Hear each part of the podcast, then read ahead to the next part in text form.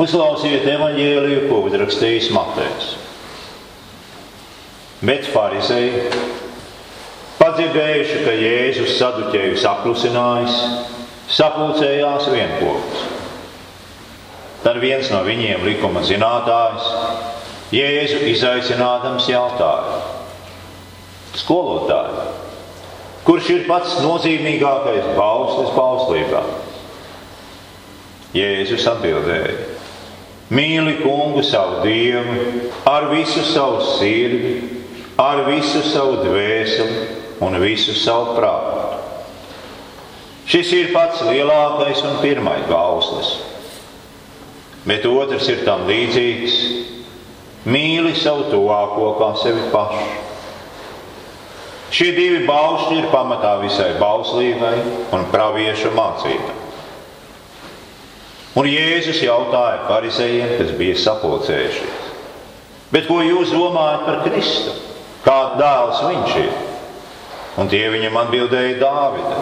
Un viņš tiem jautāja, kā tad Dāvids viņu garā sauc par kungu, Sacīdams, kungs sacīja manam kungam, sēdies pie manas labās rokas, līdz es tavus ienaidniekus nolieku tev par kājasolu.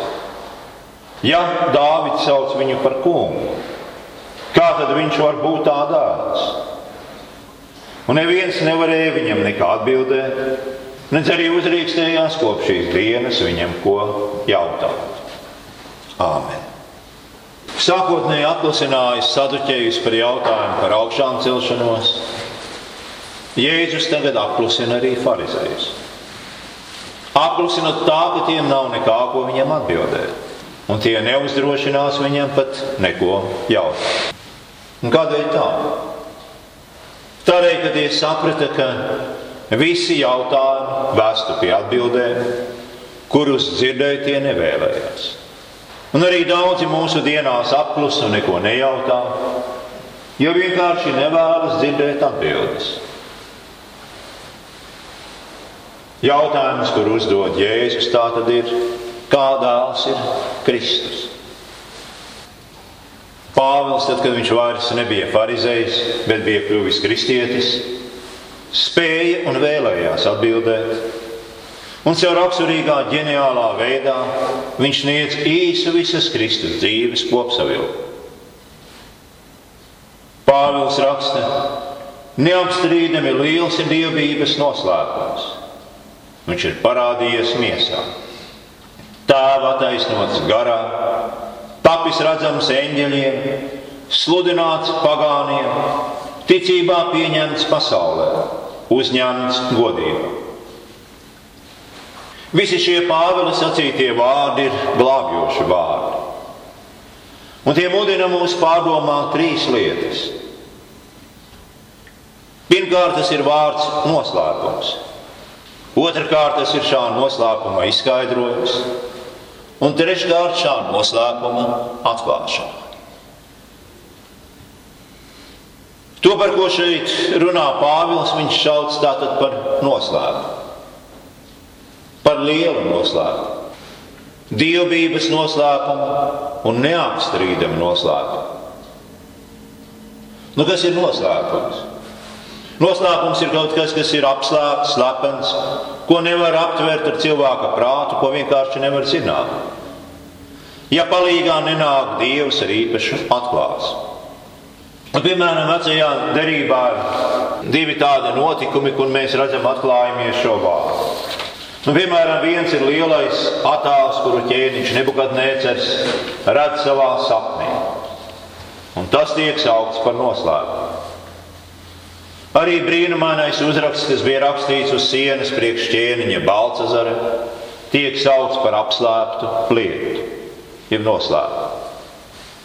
Šeit apustulis par noslēpumu sauc mūsu kunga Jēzus Kristus miesā nākšanu. Un tas tā ir tāpēc, ka tas ir ne tikai apslēpts un noslēpums cilvēka dabiskajam prātam, bet arī tādēļ, ka tas daudzkārt pārsniedz cilvēka prāta spējas to aptvērt. Lai cik daudz par to tiktu domāts un prātots. Tādēļ šeit tas tiek saukts par lielu noslēpumu. Liels tas ir arī tādēļ, ka tas ir saistīts ar Dievu, kurš rakstu vārdiem ir liels pāri visiem dieviem. Visa svētā trīsvienība šeit ir darījusi kaut ko tādu, kas nekad nav ar prātu aptverams, kas nekad no cilvēka prātā nācis. Un liels šis noslēpums ir arī tādēļ, ka tas sniedz mums cilvēkiem lielu labumu un lielu svētību. Un tādēļ tas ir dievības noslēpums. Jo tas nav tikai dievišķs noslēpums, no kura atkarīga mūsu pestīšana. Bet tas mums māca arī patiesu dievbijību, ar ko varam cīnīties pret bezdievību un pasaules kārību. Šis noslēpums ir arī neapstrīdams noslēpums. Neviens nekad to nevarētu aptvert ar prātu, nevarētu tādēļ arī apstrīdēt. Vēl mazāk ticēt tam, ja tas nebūtu ticis parādīts, un ticis parādīts tādā veidā, ka neviens to nevar apstrīdēt. Nu, bet kāds ir šā noslēpuma izskaidrojums? Noslēpuma izskaidrojums ir, miesā ir parādījies Dievs. To mums stāsta evaņģēlis Jānis sacīdams, piemēram, vārds tas ir Dieva dāvs, tapa miesa. Ievērojiet, ne tēvs, ne svētais gars, bet vienīgi vārds, jeb dāvs, ir parādīts miesa. Tas ir cilvēks tapis.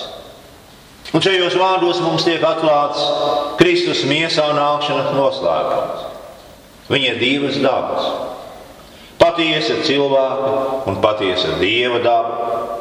Un abu šo dabu vienība vienā Jēzus Kristus personā. Un tā arī, Jēzus Kristus patiesi ir visdziļākais iespējamais noslēpums. Jo ne Dieva, ne cilvēka pasaulē mums nav iedomājams kaut kas tāds. Patiesa cilvēks un patiesa Dievs vienā personā. Senajiem tēviem dieva dēls bieži parādījās vecā derības laikos cilvēka veidā. Bet, kad viņš to darīja, viņš vienmēr atkal atstāja savu cilvēka veidojumu. Turpretī šeit mēs lasām par tādu parādīšanos miesā, kur dieva dēls kļūst par patiesu cilvēku un nekad vairs uz mūžu neatstāja savu cilvēka dabu. Raksta Kristus dievišķo dabu sauc par dievu, bet cilvēka dabu par miesu. Un šajā miesā, tas ir Jēzu Kristu, mums parādās atklājas Dievs. Dieva dēls pieņem mūsu cilvēku miesu un asinis. Un šajā ziņā viņš kļūst tāds pats, kā visi citi cilvēku bērni.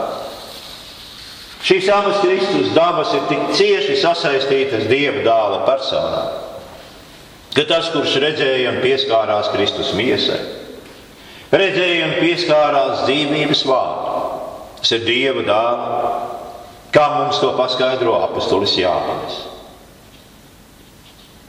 Nu, lūk, tā tad ir noslēpuma parādīšanās, jeb atklāšanās. Un tā kā Dieva dēls parādījās tik pazemīgā veidā, cieta izsalkumu, slāpes, nabadzību, un citu ļaužu nicinājumu. Tad neviens nevēlējās ticēt, ka viņš patiesi ir Dieva dāvs. Un tādēļ bija nepieciešams, lai viņš īpaši atklātos pasaulē. Pāvils saka, tēva attaisnots garā. Jūdi viņu nicināja, sauca par blēdi un viltvāru, kurš nebija dzīvošanas cienīgs. Un tomēr viņa taisnīgums un nevainība atklājās viņa brīnumdarbos un viņa krusta nāves laikā, ko apliecināja pat viņa ienaidnieki. Tālāk to atklāja viņa augšām celšanās, debesu braukšana un sēšanās pie tēva labās rokas. Tas ir idioma, kura vēsta par dievišķās varas un godības piešķiršanu Jēzus cilvēka dāvā. Un tālāk Pāvils saka, ka viņš tapis redzams eņģeļi. Eņģeļi redzēja Kristu viņa dzimšanā, kārdināšanās, ciešanās, nāvē, debes braukšanā un augšām celšanā. Visos šajos notikumos klāt bija eņģeļi, un viņi brīnījās par viņu, par lielo dievu noslēpumu. Pat eņģeļi par to brīnījās. Citiet, Pāvils saka, ka šis noslēpums no laiku laikiem ir bijis apslēpts visu lietu radītājā Dievā, bet tagad caur draugu Dieva daudzveidīgā gudrība tiek atklāta visām varām un spēkiem debesīs, tas ir eņģeļi. Vēlāk šis noslēpums tika sludināts pagātnē. Un tagad jūdi un pat apstuļi pienāca viņu prātu brīnīties. Brīnīties par to, ka Kristum ir jātiek sludinātam pagātnē. Jo jūdi uzskatīja, ka tā kā misija bija apsolīts viņiem, tad viņam jātiek sludinātam tikai jūdiem. Un arī apstuļi brīnījās par to. Un tādēļ Pēteris tika īpaši pamācīts īpašā vīzijā. Un savukārt apustulis Pāvils uzskatīja par īpašu svētību. To, ka viņam tikusi dota žēlastība, pagānu vidū nes neizdibināmos Kristus dārgumus, jeb bagātību. Un tā arī arī Kristus ticībā tika pieņemts pasaulē.